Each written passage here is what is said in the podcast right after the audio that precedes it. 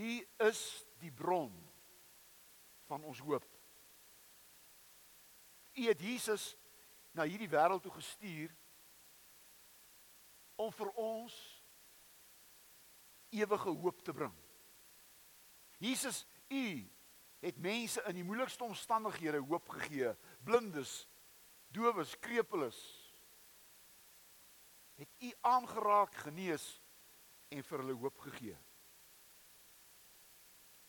Dankie dat u Vader ons gemaak het met die vermoë om te kan bemoedig. En dat ons weet deur bemoediging kan ons vir mense in moeilike omstandighede hoop in te praat. Here, daar is baie mense in ons land en in die wêreld wat hoop verloor het. Hulle lewens maak nie meer sin nie. Vir hulle is dit net nag. Daar is nie 'n dag nie. Hulle is in die diepste diepste hartseer en pyn. Help ons om nie toe te laat dat ons omstandighede ons hoop wegneem.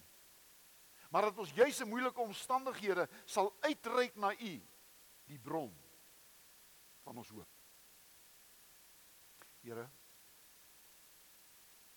gee dat ons die besluit sal neem dat ons nie sal toelaat dat mense deur hulle verkeerde lewenswyse ons hoop van ons steel nie. Gee dat ons saam met U ons eie lewens in ons hand sal neem en nie sal toelaat dat ander mense met hulle politieke oogmerke met hulle korrupsie ons hoop laat verdwyn. Bevry ons van die houvas wat mense oor ons het. Selfs politieke leiers. Dat ons nie sal toelaat dat hulle ons lewens gaan bepaal nie. Ja Here. Hulle beïnvloed ons lewens. Maar U bepaal ons lewens en gee dat ons sal opstaan teen al hierdie mense wat so roekeloos lewe dat 'n mens wonder of daar regtig nog hoop is. Dankie dat ons ons gemeente 'n baken van hoop kan noem.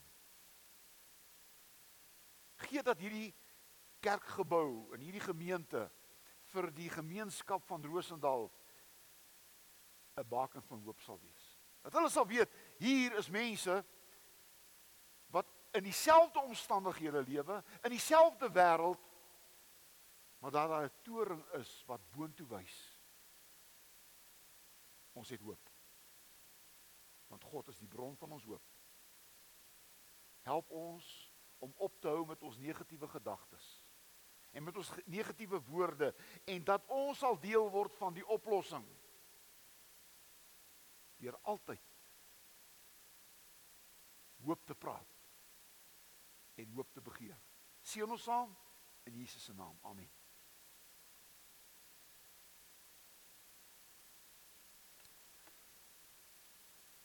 Ek gaan vanoggend gaan ek lees uit Handelinge 4 vers 32 tot 37. Nou ek gebruik die boek Handelinge omdat ons in hierdie tyd dink aan Pinkster. En in Handelinge die Pinkster begin. Die kerk, die Pinksterkerk en ons is deel van 'n Pinksterkerk onder beheer en leiding van die Pinkster uh, uh, leiding van die Heilige Gees. En daarom is Handelinge die boek wat vir ons vertel wat het gebeur met Pinkster. Pinkster was nie net 'n gebeurtenis nie. Pinkster het uitgeloop op 'n nuwe lewenswyse.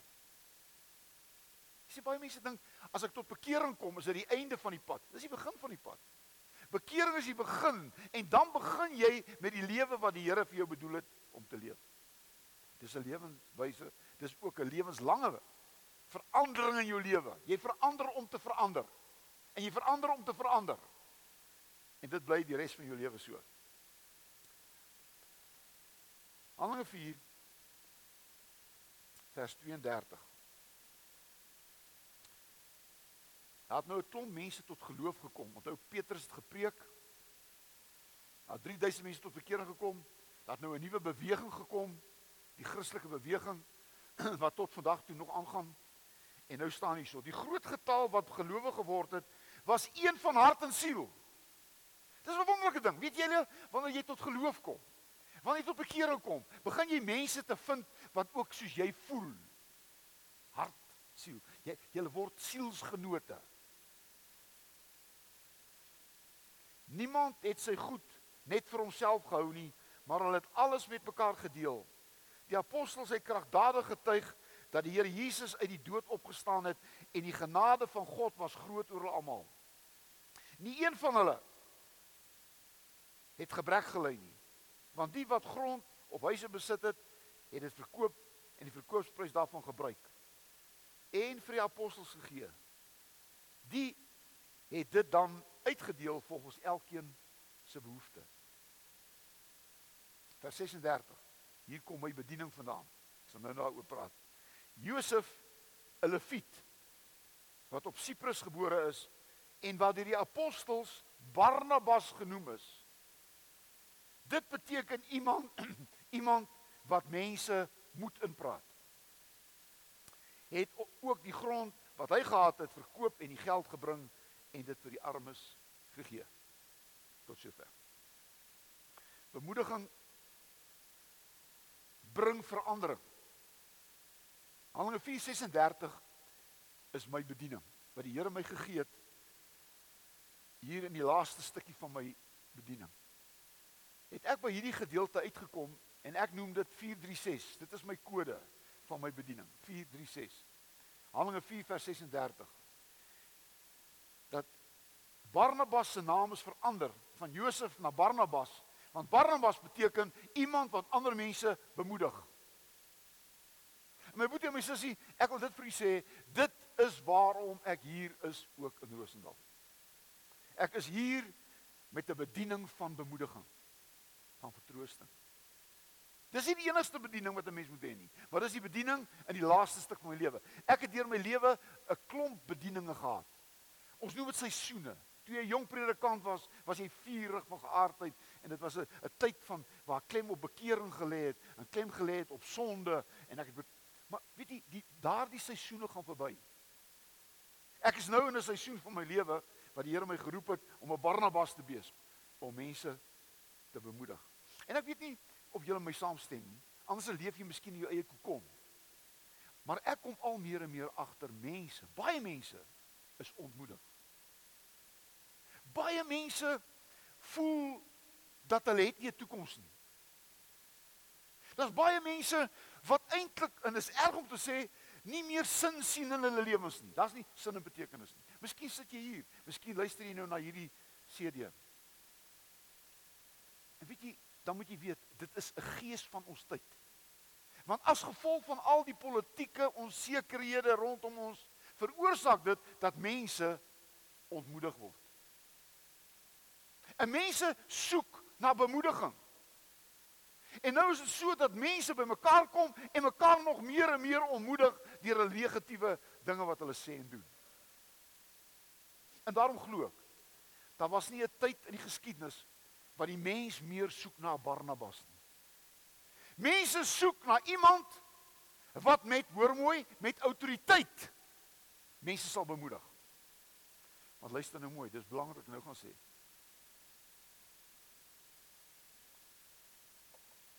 om te bemoedig is nie net 'n mooi woordjie nie. 'n Bemoediging mag nooit 'n pie in the sky wees. Ag moenie moenie worry net, sal beter gaan. Ag ag ag hierdie tyd sal verbygaan. Uh dis nie bemoediging. Dis soms amper om iemand in 'n leuen te laat glo. Bemoediging beteken dat jy betrokke raak by mense se lewens. Bemoediging is 'n woord ja, maar bemoediging is meer 'n lewenswyse. Barnabas het sy goed verkoop. Barnabas het sy goed begin uitdeel. En dit het 'n klomp ander mense gedoen, want mense het besef om iemand te bemoedig help nie net om met hom te praat nie, dit help ook om deel te word van dit wat hom ontmoedig. Jy moet hom help. Ek sal nooit vergeet toe ek 'n jong seun was, kuier ons by een van ons vriende. Ek was sy seun, my my ma en pa se vriende. Hulle het daar geboer in Mashara dorp, ek weet nie of julle weet waar is dit nie. In Mashara dorp, was my wonderlike vakansie want uh ek is baie lief vir plaas. Ons het nie my van my familie het nie plase nie en ons kom op die plaas vir die vakansie en dit was vir my 'n heerlike tyd gewees. En toe gebeur daar 'n verskriklike ding. Die boer was besig om al sy voer vir die winter bymekaar te maak. Hulle het ook sulke groot, hulle hierdie mooi bale wat ons vandag het nie, hulle het sulke hoope voer gemaak en hulle het bymekaar 'n klomp voer bymekaar gemaak. En dit was sy voer vir sy winter. En vroeg die een oggend hoor ek 'n geskreeu en 'n geraas en ons almal vlieg op in ons hardloop en daar's 'n brand wat na hierdie voerplek toe kom en daardie oggend verbrand al sy voer vir die winter tot as. Hy staan daar, hy huil soos 'n klein seentjie en sê dit is my toekoms wat daar afbrand. Ek het niks vir die vir die winter. Hy sê dis die einde. Hy's ontmoedig. En weet jy, dit was 'n dag twee daarna, toe hoor ons 'n klomp trekkers wat aan die aan die kom is en is sy bure wat met trekkers en sleepwaens kom met 'n klomp voer wat hulle van terugbring. Jy sien, hulle bemoediging was nie maar net woorde nie. Ag, dit sal goed gaan. Dit sal beter gaan. Uh die winter sal nie so lank wees nie en, en die beeste sal nie so baie vreet nie of wat ook al. Hulle kom met voer en dit bemoedig hierdie man. Dit gee hom weer hoop vir die toekoms. Daar gaan Hy gaan die winter deur. Mense het hom kom bemoedig om te help in sy nood. Daarom sê Jakobus 2 vers 15 en 16, as iemand honger is, dan help dit jy moet hom sê ag ek hoop jou maagie gaan vol word. As hy sonder klere is, moet jy sê ag ek, ek, ek hoop jy word warm. Jakobus sê dit is woorde wat doodmaak. Jy moet vir daardie mens kos gee. Jy moet vir hom klere gee, want dit gaan jou mee bemoedig. Jy gaan hom nie bemoedig met 'n mooi woorde van mag jy weer vol word en ek hoop jy word warm nie, want daardie geloof is dood. My boetie my sussie, ons moet ophou. Ophou met hierdie leë woorde wat niks beteken nie, want dit bemoedig nie mense nie. Daarom is my tema bemoedig bemoediging wat verandering bring. Bemoediging moet verandering bring. Ek gaan klaarmaak. Daar's vyf goedjies wat ek dink wat baie belangrik is vir oggend. Want ons moet by die Bybel bly. Ek kan nou 'n praatjie vir julle gee oor bemoediging. Ek kom met 'n praatjie nie, ek moet uit die woord vir julle wys. Waar kom bemoediging uit die woord vandaan? Dit kom van God af. Jy sien? Want jy sien, God is 'n drie-enige God. Vader, Seun en Heilige Gees. Het jy geweet dat God leef ook in 'n verhouding met homself? Nee, nee, jy moet mooi hoor. God leef in 'n verhouding met homself. Vader, Seun, Heilige Gees het 'n verhouding een tot die ander. So God is 'n verhoudingsgod. God staan in 'n verhouding met homself, maar hy staan ook in 'n verhouding met ons almal. Daarom is hy Vader, Seun, Heilige Gees. Weet jy, die naam God is ek is. En weet jy wat God se naam beteken eintlik? Ek is alles wat bestaan. Ek is alles wat is en wat bestaan. Ek is. En daarom sien jy God in alles wat is. Want God is is ek is. Maar hierdie God is nie net ek is nie. Hierdie ek is sê ek is nie gister nie en ek is ook nie môre nie. Ek is vandag. Want jy sien 'n bemoediging lê een groot ding. Jy bemoedig nie mense met die verlede nie. Jy bemoedig hulle nie met die toekoms. Ag aan die verlede het dit reg gekom. Ag aan die toekoms sal dit beter gaan. Dis nie bemoediging nie. Bemoediging is mense soek nou bemoediging. In hierdie situasie nou. En daarom is God ek is. En daarom sê hierdie God in Hebreërs 13 vers 5 en 6 sê ek sal jou nooit verlaat nie. En dan sê in vers 6 ek sal jou help. En daarom hoef jy niks te vrees nie. My boetie, ek ken jou nie. Ek ken nie omstandighede nie. Maar ek wil vir ons die een ding sê. God sal jou nooit verlaat. God sal nooit ophou om jou te help nie.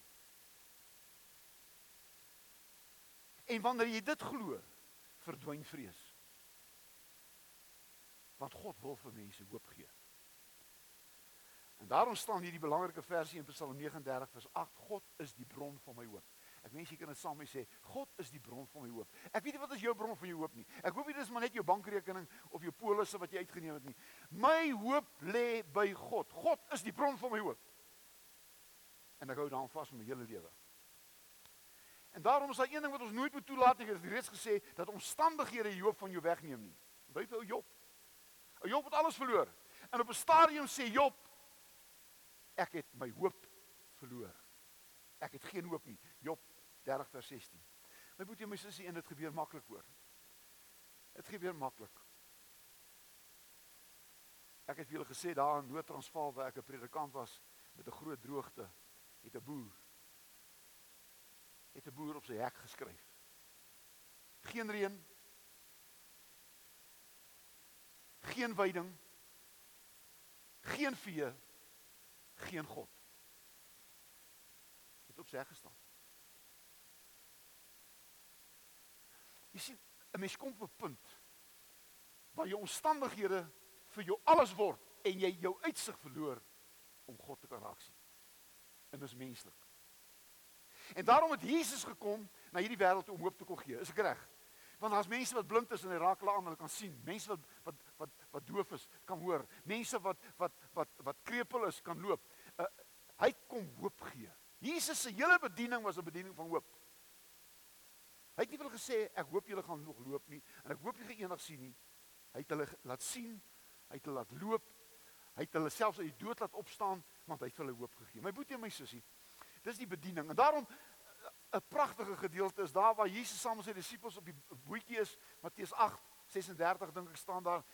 En weet julle in in in die storm en in in in Jesus lê in slaap en die disippels sê vir hom, "Kan jy nie sien wat 'n verskriklike uh, storm is dit nie?" En Jesus staan op en hy sê, "Hoekom is julle klein gelowig? Hoekom is julle klein gelowig? Hoekom het julle julle hoop verloor?" Glo. En jy ken die res van die storie. My boetie en my sussie. Ek gaan oor 'n paar weke met julle praat, die kerk en die wêreld op dieselfde skip. Want ons is op dieselfde skip. Ek wens baie keer ek kan afklim. Maar die wêreld waarin ek en jy is, is dieselfde skip waar ons almal is. En as daar 'n storm kom, dan tref dit ons almal, kerk en wêreld, is op dieselfde skip. As daar droogte kom, dan tref dit ons almal. En daarom moet ons onsself nie so een kant hou. Ons het ons is op 'n ander skip nie, dieselfde skip. En daarom sê Jesus in Johannes 14:27, julle moet nie ontstel wees nie en julle moet nie bang wees nie. Want jy sien, as jy nie hoop in nie word jy bang. Miskien sit jy en jy bang geword. Want die toekoms lyk vir jou verskriklik. En daarom kom die Heilige Gees en die Heilige Gees kom woon in ons om hierdie hoop 'n werklikheid te maak. Daarom word die Heilige Gees 'n trooster genoem.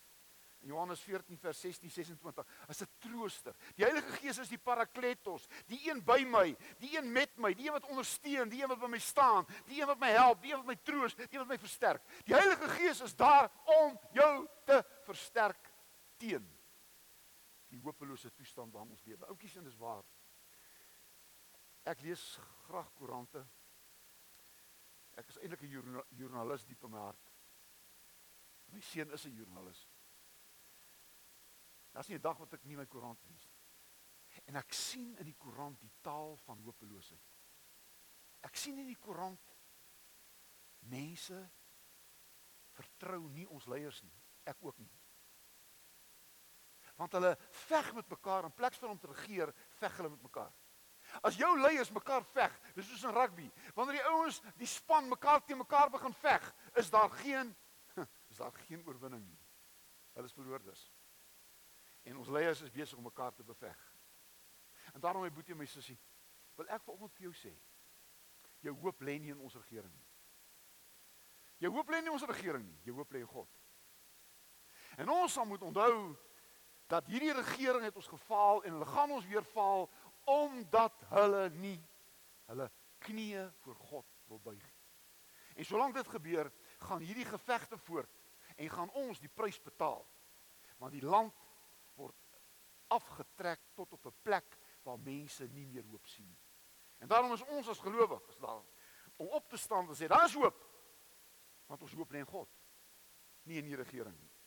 En daarom moet ons luister mooi, bemoedig deur te wys wie ons is. Oukies, ek is hier om julle te bemoedig om te wys wie is julle. Oukies, julle is nie slawe van 'n regering nie. Julle is nie 'n slawe van 'n godsdiens nie. Want jy sien altyd goed. Jou godsdiens kan jou ook 'n slaaf maak. Die regering kan jou ook 'n slaaf maak. Jy moet dit nie toelaat nie. Want daar staan in Genesis 1:27 hoor daar. God created human beings. He created them godlike, reflecting God's nature. Oukies, oukies. God het jou gemaak om soos hy te wees. God het jou gemaak hy te wees. Ek en jy is hier, ons is sy ons is sy ambassadeurs. Nie soos daai ambassadeurs van ons wat daar oor die kant ons so gevloek het en ons afgekrak het nie. Dis geen ambassadeur nie. Ons is ambassadeurs om God groot te maak. Ons is ambassadeurs om God se se persoonlikheid te reflekteer in hierdie wêreld. En daarom moet jy weet dat ek as prediker moet altyd julle laat herinner aan wie is jy? Jy's deur God geskape om hom te verteenwoordig in hierdie wêreld. Ek sien in die eerste plek is ek 'n burger van die koninkryk van God. Ek sien in die tweede plek 'n burger van Suid-Afrika. My eerste plek is ek 'n burger van die koninkryk van God. Ek sien in die eerste plek is ek 'n ambassadeur van die koninkryk van God. En hierdie koninkryk is daar altyd hoop. In hierdie koninkryk is daar altyd hoop. En daarom wil ek eintlik amper afsluit hiermee om te sê ek wil hê jy moet drie dinge weet. Glo in God glo in jouself en glo in die toekoms. Glo in God. Glo in jouself en glo in die toekoms. Want dit wat jy glo, gaan jy begin leef. As jy glo daar's geen toekoms nie, gaan jy dit begin leef. As jy begin glo dis as alles te vergeefs, gaan jy dit begin leef. Glo in God, dis my hoop.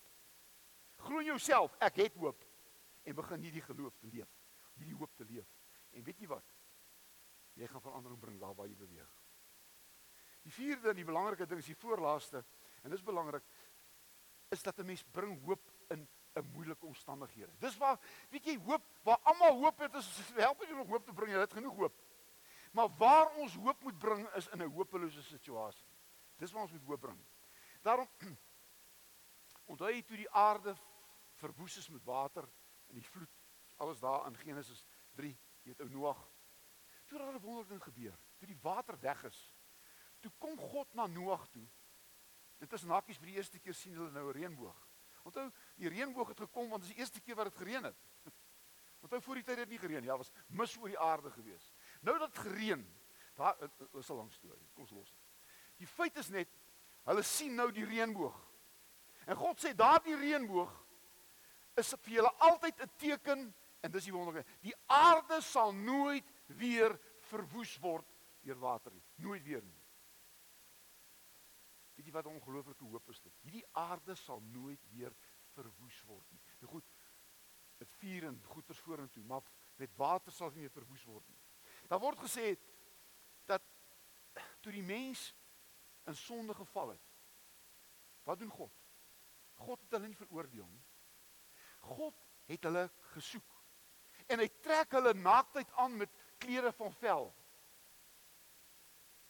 En hy gee vir hulle toekomsvisie. Nou moet jy my sussie, ek gaan dit sê. Hoor mooi. God straf nooit. God herstel altyd. Die straf wat ons sê God straf, is die konsekwensies van ons eie keuses. Jou keuses bring in jou lewe 'n konse is 'n konsekwensie. Al 'n keuse het 'n konsekwensie. 'n verkeerde keuse. Adam en Eva se keuse het gemaak dat hulle die paradys gemis het. En ek wil vanoggend vir u sê, jy sit daar en jy's die konsekwensie van die keuses wat jy gemaak het tot vandag. Jy is die konsekwensies van jou keuses. God straf nie. God herstel. God maak maak reg. God wil dit wat ek verkeerd gedoen het, wil hy regmaak. Adam en Eva was naak geweest. Hy trek hulle klere aan. Kain slaan sy broer dood en God gee vir hom 'n merk om te sê ek sal dat ander mense jou nie doodmaak nie, ek beskerm jou. Al het hy gesê dat jou dat jy as jy moord pleeg gaan jouself doodgemaak word. God is 'n genadige God. Maar moet jy mens sê hy stem nie saam met wat ons doen nie. Maar God sal nie toelaat dat my verkeerde keuses hom deel sal maak van my verkeerde keuses. God is daar om te herstel. En dit gee my hoop. En daarom is hierdie hoop het Jesus gekom en die aan die kruis van Golgotha het sy bloed kom toemaak wat ons verkeerd gedoen het. Nou moet jy my sussie, luister na my. Jesus se opstanding en daarom verkondig Paulus opstanding. Die opstanding sê nooit weer sal ons sterf sonder dat ons weer gaan lewe nie. Nee, jy hoor nie. Die grootste hoop wat Jesus gebring het, is sy opstanding. En nooit weer gaan ons sterf sonder om te lewe nie. As dit vir jou nie hoop gee nie, wat gaan vir jou hoop gee? Die dood is nie die einde nie. Jesus sê wie in my glo sal lewe al het hulle gesterf. En daarom is dit die hoop. Die hoop is dat God het ons kom hoop gee deur Jesus wat gesterf het en opgestaan het en vir ons 'n lewe gegee het. En nou die laaste en dit is waar ons by uitkom en dit is ons moet mekaar bemoedig. Ons moet mekaar bemoedig. En weet julle ons word bemoedig deur beloftes. God het ons beloftes gegee, so gesê het. Uh, uh met die met die met die met die reënboog uh, nooit weer sal nooit weer sal die aarde deur deur deur deur 'n vloed vloedwaters weggeneem word nie. Hy hy hy hy vertrou, hy, hy hy bring vir ons 'n belofte. Ek sal julle nooit verlaat nie. Ons moet vashou aan hierdie beloftes. En hierdie nooit weer. Ek weet nie wie van julle was by die apartheidsmuseum in Johannesburg nie. Was jy daar? Jy nie daar was, jy gaan so toe. Nou die een ding wat my geruk het en my geskit het toe ek daar gekom het, toe staan daar groot geskryf aan die buitekant: Never again. Never again. Ongelukkig het dit nie het dit nie waar geword. Nooit weer gaan mense op grond van velkleur 'n tweede klas burger gemaak word.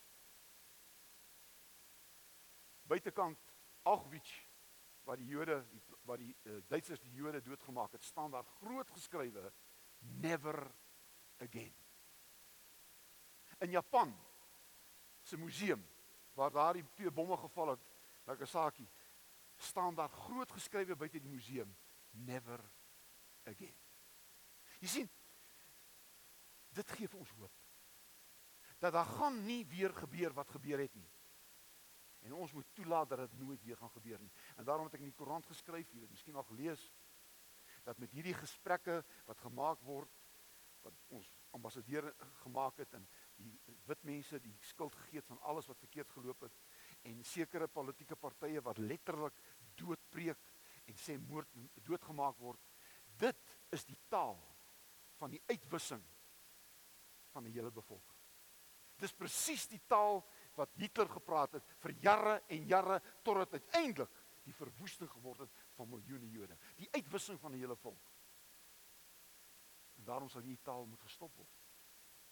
Want as die taal nie gestop word nie, gaan ons die vrugte pluk wat hierdie mense predik.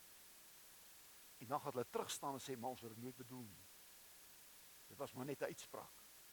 'n Uitspraak word 'n werklikheid en 'n werklikheid kan 'n verskriklike ellende veroorsaak. Kom ons bemoedig mekaar. Ek sluit af daarmee. Hier staan dit. Handelinge 15:32. Judas en Silas was self ook profete was, het lank met die gelowiges gepraat en hulle bemoedig en geestelik versterk. My broer en my sussie, dis waarom ek op hierdie kansel staan. Ek wil mense versterk en bemoedig. As jy daar uitstap, moet jy weet daar is 'n toekoms. Nie 'n pie in the sky nie. Dit gaan beteken dat ons sekere goed sal moet verkoop. Ons sal sekere goed moet van afstand doen. Ons sal met sekere goed met mekaar moet deel. Ons sal mense moet help. Ons sal nie maar net kan sê dit sal beter gaan nie. Oukies om mekaar te bemoedig beteken ek assosieer my met jou probleem. En ek gaan iets daaroor doen as ek kan. Ek gaan nie maar net van 'n van 'n afstand sê ek hoop dit sal met jou beter gaan nie. Oukies, dit is nie bemoediging nie. Dis ontmoediging. En daarom gelowiges moet mekaar bemoedig. Ons het geloof. En oukies daar in daai in daai uh, uh, uh, plek waar ons koffie of tee drink of daar waar ons as gelowiges bymekaar kom, gaan ek nie terwyl ek daar staan saam, nie toelaat dat iemand 'n negatiewe woord uitspreek nie. Want ons as gelowiges is daar om mekaar te bemoedig, nie te ontmoedig nie.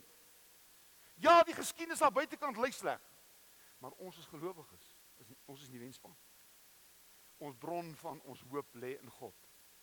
En daarom staan daar in Handelinge 20 vers 2, Paulus het gepreek en hy het mense bemoedig. Hoeveel predikers ontmoedig mense? Hoeveel predikers preek hel en oordeel en sonde. Oukies. Net hierdie sinnetjie. Gaan dink daaraan. Ek wil net hierdie sinnetjie gaan in hierdie week dink. Liefde sal nooit 'n hel skep waar enige mens vir ewig gepynig sal word. Liefde sal nooit 'n plek voorberei waar mense vir ewig gepynig sal word. En daarom moet ons met ander oë gaan kyk na die hel. Ons moet met ander oë gaan kyk na die hel. Die God wat ek ken, se liefde is groter as om mense vir ewig in die hel te laat brand. Ons sal daaroor praat nog. Daarom in Romeine 1 vers 12 staan daar so baie mooi: geloof bemoedig mekaar. Oukies as jou geloof mekaar ander mense ontmoedig, het jy nie geloof nie. Geloof bemoedig mekaar. Die Heilige Gees gee ons gawes. Dit staan in Romeine 12 vers 8, 1 Korintiërs 14 vers 3, sodat ons mekaar kan bemoedig. Die gawe van bemoediging. Wat 'n wonderlike gawe is dit. En God het ons bemoedig in die moeilikste omstandighede. Oukies, ek kan dit vir u sê, ek is er 'n jaar gelede deur die moeilikste tyd van my hele lewe, nog nooit in my hele lewe het ek dit in my lewe deurgemaak nie. En daar was nie een oomblik, ek sê dit met alles in my binneste, nie een oomblik wat God my nie bemoedig het. Daar's mense wat gekom het sulke sulke verskriklike ou leefwoorde. Ag moenie moenie moenie moenie moenie treur oor jou seentjie nie. Liewe Jesus het hom kom haal, hy's nou 'n blommetjie in die hemel. Verstaan jy? Nou weet jy uh, dis geen bemoediging. Dis 'n klomp twak. En jy kan nie mense bemoedig met twak nie. Ek sê altyd as jy nie eens kan bemoedig met iets wat jy kan sê wat die moeite werd is, jy bly liewerste stil. Oor die duiwel het jou kind kom steel. Letterlik moet gesê. Die duiwel het jou kleinkind kom steel. As dit bemoediging is, moenie sulke goed sê nie. Dis nie waar nie. Maar God het my bemoedig deur sy woord. Ek sal jou nooit in die steek laat. Wat met jou kind gebeur het was 'n ongeluk. Maar ek het hom ontvang. Hierdie kant is hy weggeruk deur 'n ongeluk. Maar daardie kant het ek hom ontvang. God is aan die ontvangskant. Hy's nie in die weggingkant nie. Mense moet jy soek in die weggingkant. Maar die ontvangskant is God. En hy's daar om ons te ontvang. Hy neem ons nie weg om te ontvang nie. Belaglik. Ons word weggeneem deur baie redes. Iemand wat my dood skiet of daar's nou 'n man en 'n vrou wat haar hele gesin uitgewis het. Maar weet julle wat? God is daardie kant om dit te ontvang. Maar wat hierdie kant gebeur het, is 'n verskriklike ding wat 'n vrou gedoen het om haar hele gesin. Omdat en ek sê dit nie lelik nie, ouetjies, omdat mense bo hulle vermoëns begin te lewe. Hierdie mense het skuld begin maak en skuld begin maak tot op 'n punt waar daar net een uitweg was en dit is om homself dood te maak. As jy so lewe, moet jy weet jy lewe gevaarlik. As jy lewe en jy gaan by 'n punt kom waar jy nie jou skuld kan betaal nie omdat jy te royaal gelewe het, moet jy weet jy gaan by 'n plek uitkom waar dood die enigste oplossing is. Dan moet jy weet jy's op 'n verkeerde plek. Mag die Here God gee ouetjies dat ons weet ons stap hier uit en daar buitekant het niks verander in die uur wat ons in die kerk gesit het. Niks het verander nie. Die mense daar buitekant bly dieselfde, leef dieselfde, is dieselfde. Maar wat het gebeur in hierdie rukkie wat ons in die kerk was? Ek en jy's verander. Ek gaan hier uitstap. En ek sê vir jou, ek het hoop. En ek hoop jy saam met my. En ek gaan daar buitekant 'n verskil maak, soos wat Barnabas gemaak het. En ek gaan vir mense sê daar's hoop, maar ek gaan vir hulle ook help met die goed wat ek het. As ek geld het om vir hulle te kan help, meer sal ek dit doen. Ek wil nie wat hierdie week gebeur het nie, outies. Ek wil nie eers vir julle weet julle hoe 'n klein gebaar van iets gee vir 'n mens verander van wanhoop na hoop toe. Dis ongelooflik. En daarom wil ek vir sê kom ons bly dit doen. Stap in 'n hospitaal in en gaan troos mense. En gaan lê jou hande op hulle en doen vir hulle iets. Vat vir hulle klere, vat hulle goed. Gaan help hulle om hulle om hulle skuld te betaal as hulle dit nie kan betaal nie. En jy kan dit betaal. Jy verstaan, dit is om mense hoop te gee. En ek en jy is in hierdie wêreld om dit te gaan doen. Want bemoediging maak 'n verskil. Here, ek weet dat hierdie woord so maklik gebruik word as 'n uitweg, as 'n wegkom kans. ag dit sal met jou beter gaan. Toe maar, die son sal weer skyn. Elke donker wolk het 'n silwer randjie. Here, en dis alles woorde om eintlik my verantwoordelikheid te ontglip. 'n Plek om te sê, wat kan ek vir jou doen? Wat het jy nodig? Hoe kan ek jou help in hierdie moeilike situasie? Soos wat Barnabas en die eerste Christene gedoen het. Dit gaan my kos. Want Here, mense is in nood. Daar's mense wat nie weet waar hulle kos môre vandaan gaan kom nie. Hulle weet nie hoe hulle kinders se skoolfonds gaan betaal nie. Hulle weet nie en Here dit is nie omdat hulle sleg is nie. Dit is omdat hulle miskien 'n verkeerde keuse gemaak het, maar dis mense wat soek na help en naam. En help my om dit te doen. Ook hier in Roosendaal. Dat daardie huisie waar ek woon 'n plek sal word waar mense weet hier's hoop. Dat ek die deur nie sal toeslaan in iemand se gesig wat ons soek na hulp nie. Dat ons huise 'n bron van hoop sal word vir mense in hierdie lewe. Word verheerlik in Jesus se naam.